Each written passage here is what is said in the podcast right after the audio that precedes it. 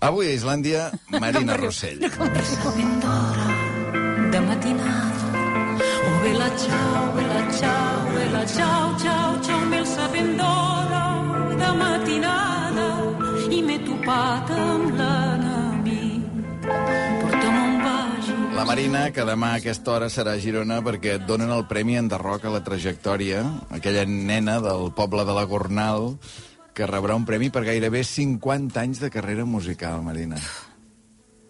Em sembla, no sé, impossible. Amb quin sentiment aniràs demà a Girona? Doncs, bàsicament, un de molt primitiu i, i que, que, que sense aquest sentiment no es pot seguir vivint, que és l'agraïment i la reciprocitat. L'agraïment, uh -huh. per sobre de tot. I l'agraïment, a la, a la, jo crec que el més important és agrair, no fer a la, a, la, a la gent que ens ha vingut, que ens ha fet costat sempre, no? A la, perquè és una mica el que diu el Tom Waits, no? Ell explica que primer ell comença tota la perifèria de totes les ciutats i, i, i, i va a tots els pobles i els poblets i a tots els barris, tal, tal, tal. I això, a- a- aquesta mateixa gent són la que després et fan que cantis doncs, al Palau o fan que després amb el temps et donin un premi de, de tota una trajectòria que vol dir un camí ja tra traçat, un camí que ja, ja la- ja l'has mm, ja l'has fet, no? En Fel parlava de les dones de la seva vida. Qui eren el, els teus pares, Marina? Bueno, els meus pares eren... Era, era, eren unes persones molt, molt, molt especials, es van casar grans ja ells, i, i eren dues persones que no sabria bé com definir-los, però ells eren pagesos i, i, i a vegades no es portaven gaire bé i això deixa un, també deixa, un, deixa una petjada a les persones. Tu veies de petita que no es portaven gaire no. bé. I això, que, això que van anar mantenint fills, fills, fills, perquè som cinc germans. Però no es portaven gaire bé. Ara, si em escolta la meva família, em picarà la cresta. Però és com jo ho vivia. No es portaven gaire bé, no, aquells dos, no. No sé per què, no es portaven gaire bé. Amb què ho veies, tu? Però, no sé, jo recordo que la meva mare quan va morir, que va morir molt jove, encara no tenia ni 50 anys o així, molt jove, jo, jo en tenia 20 i tal, mm, recordo que allò, quan estàvem allà al cementiri, allí va, el meu pare va fer un... va dir, bueno, doncs, ja, ja doncs els va, els va rebar, el rebar, no sé, com... Li va dir, començar a dir-li coses, no? I aquestes coses eren, doncs, si veus el pare per allà dalt, el seu pare, digue-li que t'he estimat i t'estimaré sempre. Però, ostres, nen, jo no, això no li vaig sentir dir mai, amb ell. I ell es veu, es veu que el seu pare li devia fer prometre això, abans de morir, que s'estimaria la meva mare, es veu que potser no ho va complir i allí, doncs, el paio tenia que purgar tota alguna cosa que tenia dintre. Quan la, mare, ja, quan la seva dona ja era morta. Clar, la que era la meva mare, sí. I això ens va sorprendre. Bueno, Que fort, eh? La primera vegada que tu sents el teu Sí. pare dient-li t'estimo a la teva mare, la teva mare ja era morta. doncs jo sí, i això no ho havia explicat mai, i quan que...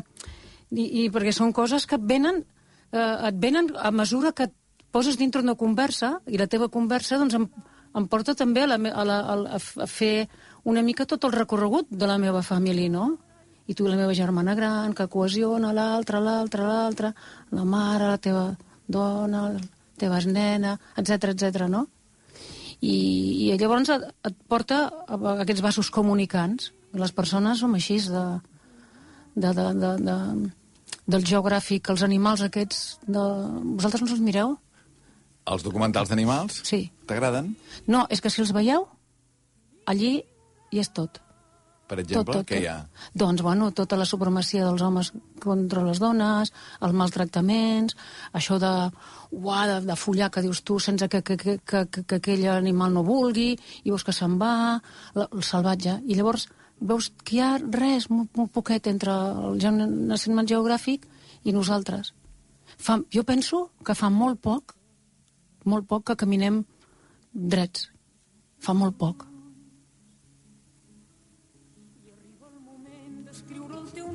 Al jardí d'hivern. No? Ara t'ha semblat que havies de parar, eh, després d'aquesta frase. Sí, clar, perquè La, la imatge és que som encara animals que anem amb grapes. No amb les, amb les quatre grapes, no? Però no, no, no doncs no. Tu quan vas venir amb 16 anys, deixes la Gornal i vens a Barcelona. Em pots explicar aquest viatge? Diguem que te'n vas d'aquest Ah, petit poble del, del Penedès cap a Barcelona. Bueno, mira, Albert, el, el convidat ja l'hem fet, tu i jo. Fa molts anys, no me'n recordo. Josep, ara me'n recordo. Fa molts anys que te'n recordes. Doncs aquest viatge, que, que si jo tenia 16 anys, i, i jo el que volia era, entre cometes, fugir d'alguna cosa que no m'agradava, que no sabria eh, saber què era, però que no volia aquella vida que em semblava que m'esperava, no? I, i vaig venir aquí a buscar-me a buscar-me aquesta vida que jo creia que, que en fi, que, que anhelava. Però que m'hauria pogut fer també mm, drogadicte pel camí, no? Heroinòmana, per exemple. Clar. Clar. 16 anys. Jo ara quan veig personetes de 16 anys em agafen ganes de plorar, nen. Dius, ostres, no és possible, això. Clar. És una, sense una, deixar, deixar d'aquella persona, deixar de la mà de Déu, entremig. Mm, Mira, hi ha, hi ha una, una poeta anglesa eh, meravellosa que es diu Catherine Wren, que ella diu que en aquesta vida sap que ha de conviure amb una flor i amb un tigre. Crits plens de pau i de consol, crits plens de fred i de bondat, crits amb Et preguntava això perquè ara hi deu haver gent que deu fer el viatge a la Gornal Barcelona cada dia, anar i tornar, i no li dona cap importància. Però per tu en aquell moment, l'any 70, segurament aquest viatge, que diguem la distància era la mateixa, tot i que potser durava més, se t'havia fet tot un món, també, anar a Barcelona, no? Una mica abans dels anys 70 era. Jo tenia 16 anys, no sé, i ara en tinc 69, doncs no sé, que algú que sàpiga comptar ràpid ens Mhm. Vas dirà néixer, quan. al, ci- vas néixer al 54 Sí. i 16 a 70, no? A- l'any 70 devia ser. Sí? I el Franco mor al 76. El 75. Sí. El 75. Sí, sí, sí. Tu quan vens a Barcelona i, i comences a cantar, tu tenies vergonya dels teus orígens pagesos?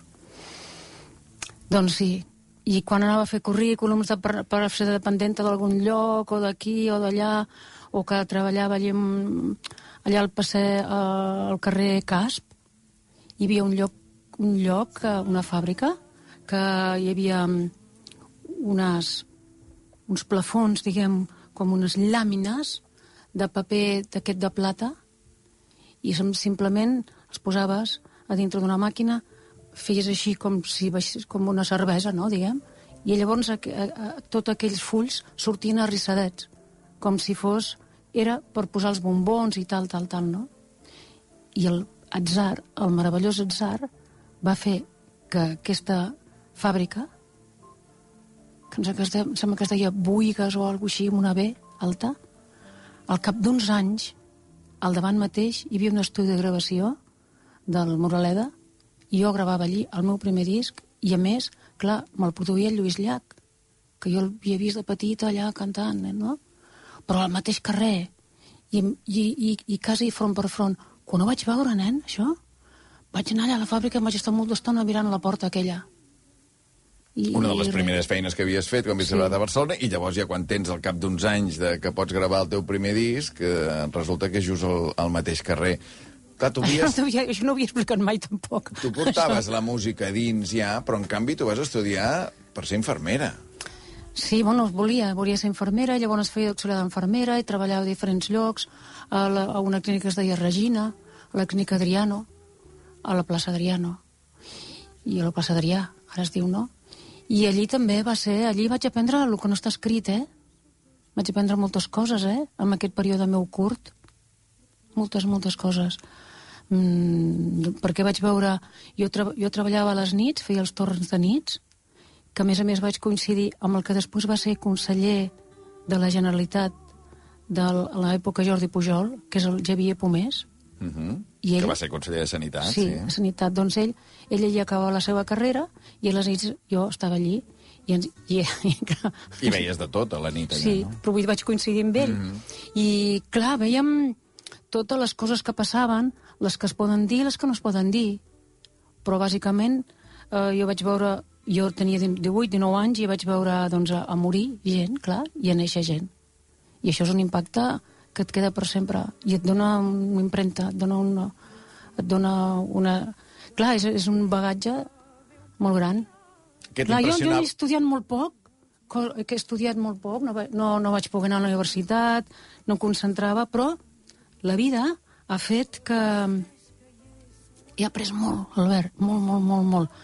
Perquè el fet de tenir aquesta mancança ha fet que llegís molt, que m'interessés molt, que intentis aprendre molt, molt, molt amb converses, que diu el poeta Palau Fabra. He après en converses. Doncs he après molt en converses, he après molt en entrevistes, he après molt amb, amb llibres de biografies he après molt del fet de viure. Perquè la Marina Rossell, això quan feia d'auxiliar d'infermeria, eh, i deies això, que treballaves a les nits i veia gent morir i veia gent néixer, ella amb 18 anys que devies tenir llavors, què t'impressionava més, veure gent morir o veure gent néixer? Diguem, l'acte animal, si se'm permet dir-ho així. A mi morir. Morir.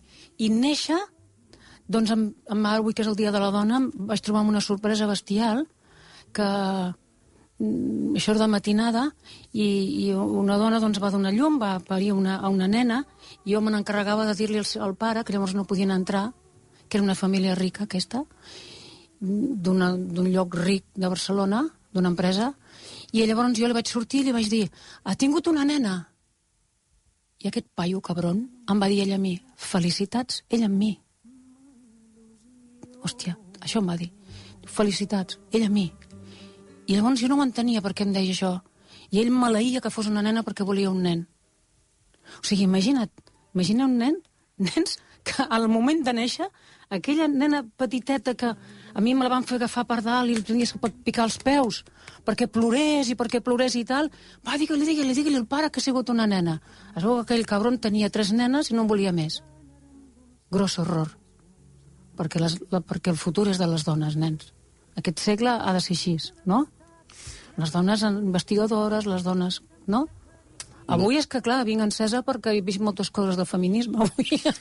Avui no ets a la manifestació. De passió. No ets a la manifestació, però has anat a moltes manifestacions, fins i tot abans que fossin tan massives, diguem. Clar, que n'hi havia, n'hi havia... Jo recordo que érem 30 persones. I, i tinc fotos d'això, que dius, ostres, de 30 persones, perquè abans una fotografia era molt valuosa, no com ara, no? I, i, i, i doncs hi havia gent que feia fotografies, però d'aquelles de fotografies de veritat. I recordo que una amiga meva em va enviar una, la, la Rosa Marqueta, Sí, la. Rosa Marqueta de TV3. Mm. Ella també feia fotos. I me'n va enviar una i va dir, mira, Marinota, perquè no en diu Marinota, mira, Marinota, quina fotografia, me l'he- trobat. I em, va, em la va ensenyar, i érem 30 persones. Però ja l'altra, i érem 300, i tal, tal, tal, tal. I el 18, un milió I de aquell dones dia a què Barcelona. penses? Què penses aquell dia? Em vaig posar a plorar al veure que hi havia tanta gent. Perquè vaig pensar amb això, amb les 30, que era al carrer Pelayo, Rambla, a la Rambla i cap a la plaça Universitat, a la plaça Sant Jaume. Ara no et demano una dona de la teva família, sinó et demano una dona coneguda. Diguem, tu arribes a Barcelona i entres en contacte amb gent molt diferent, Sí. a través de la cançó, però també a través de, del moviment feminista, diguem... De, Les del- tinc, les tinc. Dels anys 70. Digue'm una dona o dues dones que t'impressionessin en aquell moment. Molt, molt, molt, molt. I la vaig tractar moltíssim. I ara està molt oblidada. La vaig tractar molt i vaig aprendre molt. Maria Aurèlia Campany. I la vaig conèixer a Prada de Conflent. Que hi vam anar el Josep Tero i jo amb autostop, érem molt jovenets, i quan estàvem allí vam demanar si ens deixaven cantar com, uh, com aspirants, diguem, no sé quin títol tindria, com a espontanis, perquè hi havia un concert i tal. I ens van deixar, sí, i llavors jo vaig cantar, i la Marioleta Campany va venir, em va saludar, i em va dir que jo tenia una veu molt bonica, era una dona jove, anava vestida de negre, i la veig en aquest moment. I llavors ella em va presentar aquest disc que havia gravat al carrer Casp, davant d'aquesta fàbrica. I, i que eren de cançons, si volíeu escoltar, que eren de cançons populars transformades, també per la Mariola de Campany, el Joan Uller, etc. I, mm, doncs, eh, la Campany mm, em va donar moltes lliçons de vida, amb aquells ulls de Picasso que tenia. També la Rodoreda, també la Rodoreda, i després la Montserrat Roig moltíssim, Maria Mercè Marçal. Aquestes són dones mm, que em van donar una, una llum com un, com un far allà molt lluny, a la llunyania de l'horitzó, però un far. Hi havia una llumeta. La Marina Rossell demà li donen aquest enterroc a la seva trajectòria eh, a Girona, una trajectòria de molts anys, parlava del primer disc ara, però llavors arriba, crec que és el segon disc ja, i arriba una cançó, una cançó que és a la memòria de moltíssima gent i que jo crec que aquesta cançó, quan la troba la Marina, quan la canta la Marina, passen coses. Marina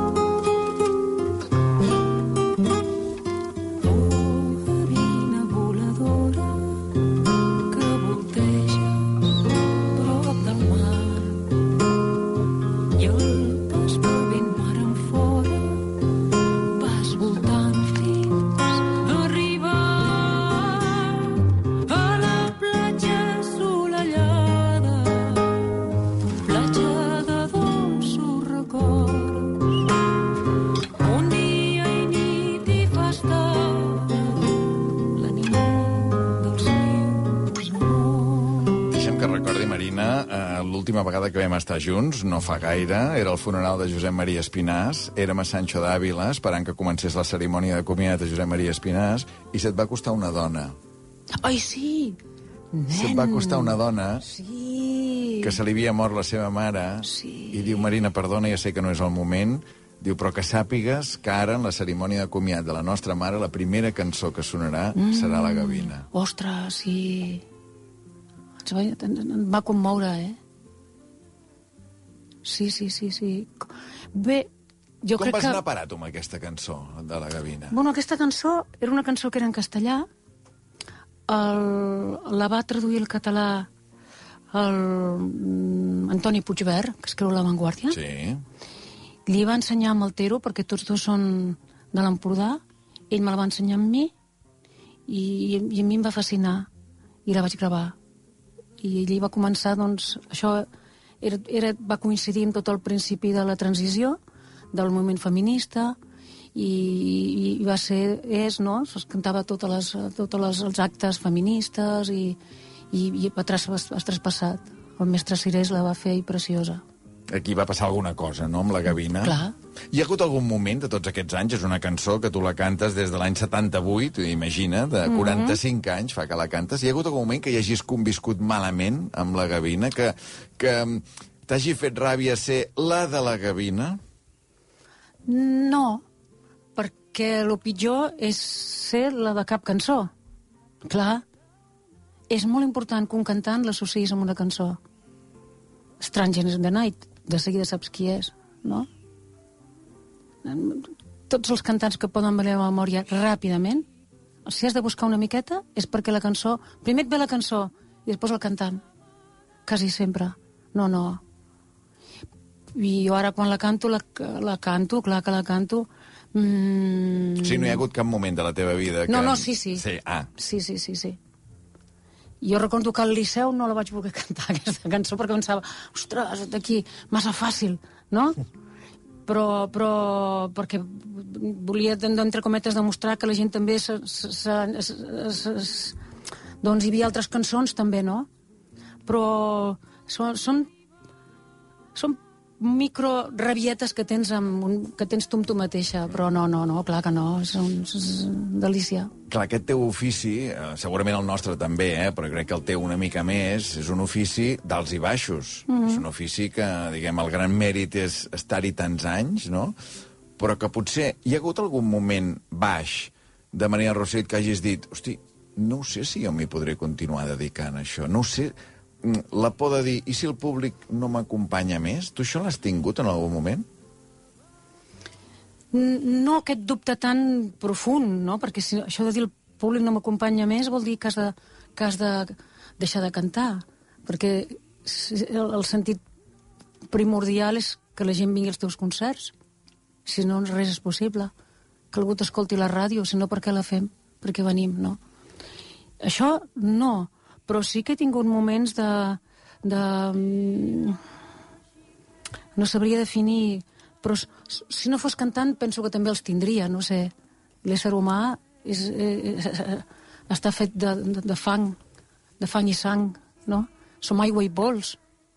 Som aigua i pols. Per tant, eh, som éssers... Jo no vull dir la paraula vulnerable perquè està molt, molt cansada, però sí d'una gran fragilitat. Som d'una gran fragilitat.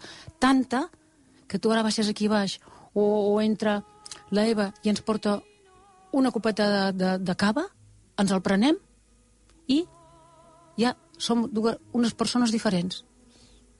El nostre tarannà canvia, imagina't, l'alcohol amb, eh, amb el rec sanguini, com canvia? O una cervesa, no? I dius, no és possible, perquè a vegades vaig a un lloc i vaig allí, uh, no sé, vaig allà, però em donen una copeta de vi i uau, jo doncs dic això, dic allò, no? Ja dic el que penso.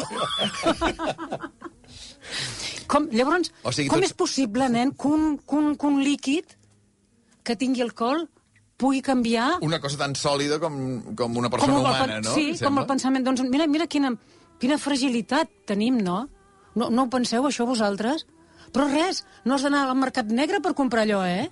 Simplement una cervesa, nen, no? A vosaltres no us canvia? Ah, una cerveseta no sé què, i un, un vi blanc, un, un verdejo d'aquests, vinga allà, perquè amb la copa, no? I zzz, vinga a remenar la copa, que, que es veu que el blanc no l'hem de, no s'ha de, no s'ha de fer això, s'ha de fer només amb el negre, però nosaltres allà, rrr, no? Amb la copa, tot fresquet, el veus? I, i ets una altra persona. Dos minuts i tres quarts de vuit. Maria Rossell, demà rebrà l'enderroc d'honor a la trajectòria. Rosa d'abril, encarenada. Demà, llum del teu roser, d'enyorament em moriré. I adeu,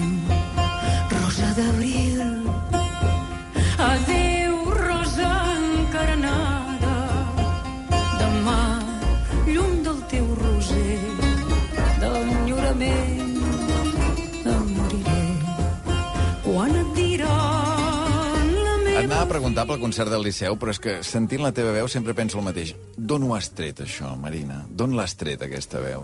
Doncs jo crec que és un do i que jo tinc el deure de conservar-lo. El deure, eh? Perquè és un do. El deure, i ho faig.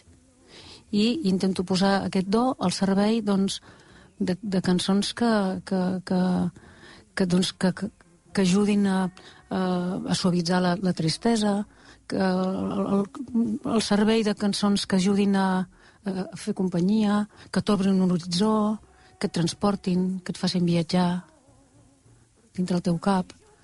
No banalitzar. No fer-la servir per coses banals. Bueno, no sé. Mm -hmm.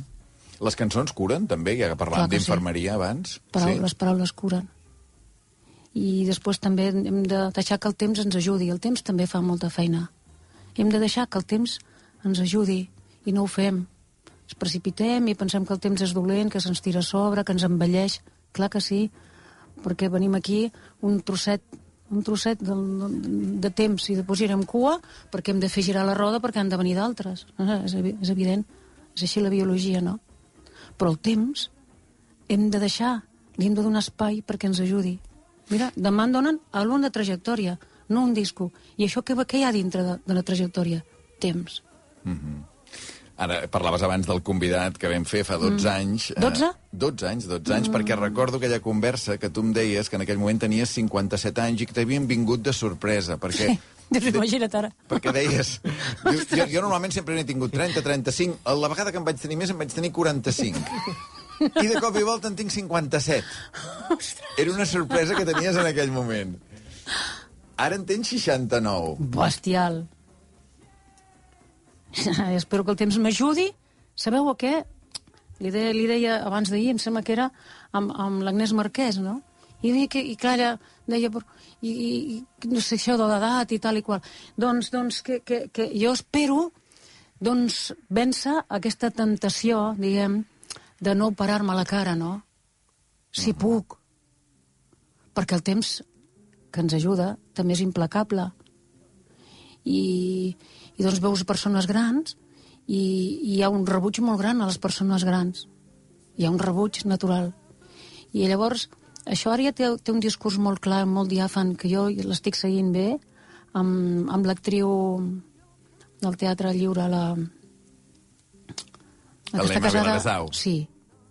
Ella ara, la vaig escoltar l'altre dia allà amb, el- amb el col·lapse i 10 punts. Eh? Ella diu, per qui t'has d'operar? Per tu o pels altres? No? Perquè jo tinc col·legues i persones que ara ja quasi no els reconec. Perquè no, pot, no si t'operes, si t'estires la cara, no pots, no, no pots acabar de somriure. No? Quan somrius, fas tot el recorregut, no? I llavors allò te'n quedes així i, i, i, i ja sembles la Bjork. No? Sembla la diguis- Bjork així, com la Bjork, vull dir, perquè ella és holandesa, no? Sí, I té sí. tota una altra fesomia. Però que ho diguis vol dir que t'ha passat pel cap operar-te, tu? No, no, però, però ho veig que mol- moltes persones que jo tracto ara ja, doncs que ho fan, ho han fet. I, i llavors, doncs... Amb, jo... Vols ser prou forta per resistir la tentació d'operar-te. Sí, sí, per, simplement per veure quin dimonis de cara tindré quan sigui gran. Com seré? I com que això sé que després no podré tirar enrere si ho faig, si això, doncs, bueno, durant cinc anys m'opero però després em desopero. Però, però clar, no podem tirar enrere. No? Uh -huh. I llavors, una cosa que, és, que no pots tirar enrere, sempre em quedaria amb el dubte de com seria jo, de gran. T'afegeix pressió estar dalt d'un escenari per operar-te o no operar-te? Hi, sí. hi ha una pressió estètica afegida amb Sí, això? sí, sí, sí, jo crec que sí. Jo no la sento perquè faig un tipus de cançons i tal, però i ho veig, sí, ho veig. Mm. Veig. Clar, tu ara amb 69 anys, si haguessis, si haguessis quedat d'infermera, eh, podria, Sí. ser, podria ser que estiguessis jubilada, ja. Sí. Tu et veus cantant amb 90 anys? T'agradaria cantar amb 90 anys? Home, 90 anys, nen. Quan, quants me'n faltarien, ara? 21. Ah, bueno. A fer el càlcul. 21. Home, bueno, jo vaig conèixer i vaig tractar a la, a la Maria Dolors Pradera i també a la Xabela Vargas. Anda, que aquelles dues. Que se l'han bebido tot. S'ho van veure tot. Mm -hmm. La Mònica Randall diria que la, la, totes la, la, les bodegues bilbaïnes, no? La Randall deia, ui, aquests, s'han La pogut... nostra estimada Aurorita. L'Aurorita. L'Aurorita, Mònica L'has de trucar. Sí, home, ha Ah, de venir, ha de venir un dia. ha de venir, Ha de venir un dia. M'has d'ajudar. Sí, perquè aquesta està, està ermitanya. M'has de... Està ermitanya, no vol Bueno, sortir. no m'has contestat. T'agradaria continuar cantant amb 90 anys? Sí, la no? biologia m'acompanya, sí. Si jo puc cantar bé, sí. Que espero que sí.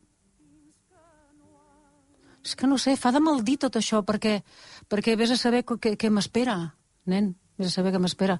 Mm, jo no deixaré de cantar fins això, fins que la biologia m'abandoni, no? O sigui, que et perdi facultats. Que perdi moltes facultats. Hi ha una cosa que va molt bé, i us ho dic a vosaltres dos, perquè treballem tots dos amb la veu, tots tres, que les cordes vocals és l'últim eh, muscle que envelleix més tard. És el que envelleix més tard. Fixeu-vos-hi. Clar, això va a favor nostre. Una cosa que va a favor nostre.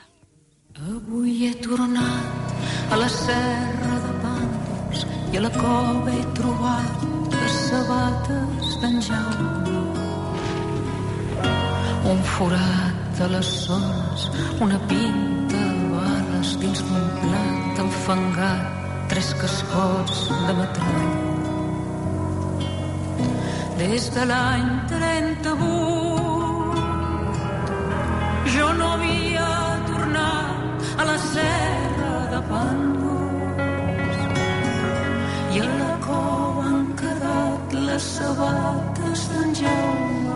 Citaves abans la Montserrat Roig, que té una frase, que diu aquella frase, no?, que si hi ha un acte d'amor és la memòria, no? La memòria Sí. és el, el gran acte d'amor. Sí. Eh, tu t'has dedicat molt, sobretot últimament, no?, a rescatar la memòria, també amb la teva feina, a l'amical de, de Ravensbrück, no? Però, però sobretot també amb totes les cançons que fas. Aquesta és impressionant, aquest paisatge de l'Ebre, no? Les Neus sabates català. d'en Jaume, allà Neus Català... Mm, Teresa Rebull, d'una de les dones de qui més vaig aprendre en tota la guerra civil.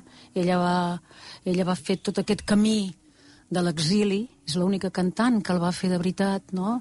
I van anar al camp d'Argelers, des cap al camí, aquest èxode de, de tots els republicans, cap a França, i més tard es van eh, juntar amb la resistència francesa Per tant, i... Saps que jo la vaig poder entrevistar, Teresa Rebull? Tenia 16 o 17 anys a Ràdio Taradell. De Vam anar, perquè tenia un professor de literatura que era un enamorat de la Teresa Rebull, Pere Ferrés, i Sí. vam anar a entrevistar-la. Uh, A Banyols, Surmer? I, clar, jo amb, amb 16-17 anys amb prou feina sabia qui era Teresa Rebull. No no, no, no n'era prou conscient, no? A vegades les Sí. coses t'arriben a una edat Sí, que, que no n'ets prou conscient. He vist una cosa, a que veure, et van donar la Creu de Sant Jordi amb 33 anys. sí, Jordi Pujol, eh? Mira, li tinc que agrair. Perquè és un estímul, eh? És un estímul bestial tan jove. Sí, sí, sí. I això a més, veus? Això va, poder, va a la cerimònia va poder venir el meu pare. O sigui, ho va veure ell. Això. Ja que abans he parlat malament d'ell, ara parlo una miqueta bé. Perquè si no... Com ho vas viure, que amb 33 anys et donessin la Creu de Sant Jordi? Era l'època del Rigol. Amb el Rigol havíem fet un viatge junt amb la Montserrat Roig a Armènia, un intercanvi cultural, un, diferent gent hi érem allí, però jo recordo molt a la, a la, a la Montserrat Roig, realment. I, I el Rigol, jo què sé, aquella convivència, potser, al veure que, doncs, que, que, i, i que se'ns va pensar, va, van passar coses molt, molt maques allí. Anar a un lloc um, Però tu creus que ara la, caldeos... ara la valoraries més, la Creu de Sant Jordi, si t'arribés ara que amb 33 anys? Vas ser No. conscient del que significava? Jo la vaig valorar més allà, a llavors. Clar. És que els premis t'han d'arribar... T'han d'anar arribant, però t'han d'arribar al principi perquè és un estímul i et dona autoestima. I després, quan hi ets gran, ja saps què és el que... Jo, per exemple, ara ja no pretenc res més que mantenir-me i fer discos preciosos el temps que em quedi. Però no pretenc, jo què sé, cantar al Madison Square. Però quan tens 20 anys sí que t'agradaria... Ostres, a veure si algú per atzar m'escolta, saps com amb les pel·lis? I, i m'ofereix aquesta possibility. Però ara jo el que vull és mantenir-me, composar, tinc necessitat d'explicar coses encara, i, i, i, la paraula seria mantenir-me. O sigui, no, no, no, no capbussar-me amb la decrepitud, amb el, amb el de rep repetir-te, sinó intentar fer coses com he fet fins ara, no? amb, una, amb una certa dignitat. Amb aquest aire de matec, jueu errant, pastor grec, i els meus cabells als quatre vents. I aquest mirar tan indecis, ara amargant, ara endolcit de dies bons i de mal temps. Potser faig pinta d'haver estat lladre de fruites i de blats, de camps que acaricia el sol. Disc importantíssim, eh? Aquest, el Sí. primer que fas eh, d'homenatge a George Mustaquí, Sí. que això 2011, que també, diguem, dona tot un altre aire, tot una altra empenta a la carrera de la Marina, eh? La, hi havia persones que em van tractar diferent, Albert, a partir d'aquest disc i que va coincidir amb el, amb el teu convidat. I que va ser espectacular Però perquè va ser idea teva. diferent? doncs, saps, jo anava a comprar allà el Vinson i aquell home que hi havia lligar a l'amo mai em deia ni ni bèstia, tio. I inclús hi havia anat amb el Mustaki perquè se les tenia en comprar unes citrelleres d'aquestes que són com un tubo d'assaig. Doncs quan va veure després el programa va venir a saludar i li vaig dir, doncs nosaltres hem vingut aquí a comprar però per ell no érem res perquè anava, no sé per exemple, no? Però ara no li diguis a aquest home això, que deu ser ja molt gran, deu ser molt gran i no vull parlar malament de ningú, jo. No sé, clar, perquè cada un té els seus gustos i si a mi no li agradava jo com cantava ni res, doncs no, jo, jo, clar, aquesta botiga m'agradava. Després ja vaig veure que, que... jo- recordo una cosa amb el meu pare, bestial d'aquesta botiga del Vinson. Meu pare, que havia viscut a la seva juntura de Barcelona, ens que ens queda poc temps, nen? Sí. Doncs ell anava caminant i li vaig dir, miri, pare, aquesta és una botiga, miri, miri, quins aparadors que tenen. I el tractava de vostè, a l'època ens tractaven de vostè. Mira quin aparador tan guapo i tal. Ell agafa, que anava amb un caliquenyo, unes apartenyes, s'ho mira i diu, marxem, que estan amb obres. Es creia que l'aparador, de tan modern que el feien, ells es creien la rehòstia de fer una cosa supermoderna i un pagès, que era el meu pare, però un paio intel·ligent, es cre... clar, per ell eren estan amb obres. Una cosa que cau, l'altra que no sé què, una, un, un, un, doncs una escala allà al mig tota desordenada. em va encantar perquè, que, bueno, ja enteneu el que vull dir, no? El meu pare jo ensenyava una cosa guapa que a mi em fascinava i ell, que coneix, coneixia els arbres, coneixia, el, coneixia els ocells, coneixia coses valuoses, allò li va semblar que estaven d'obres.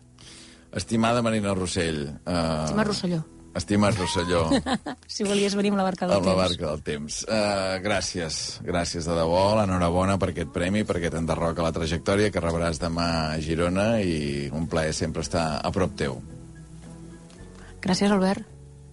I aquest, aquest premi és una mica xica-pica també teu, eh? Sí, molt. Per què? Ah, home, perquè tu sempre em- has fet com el temps, que m'ha ajudat.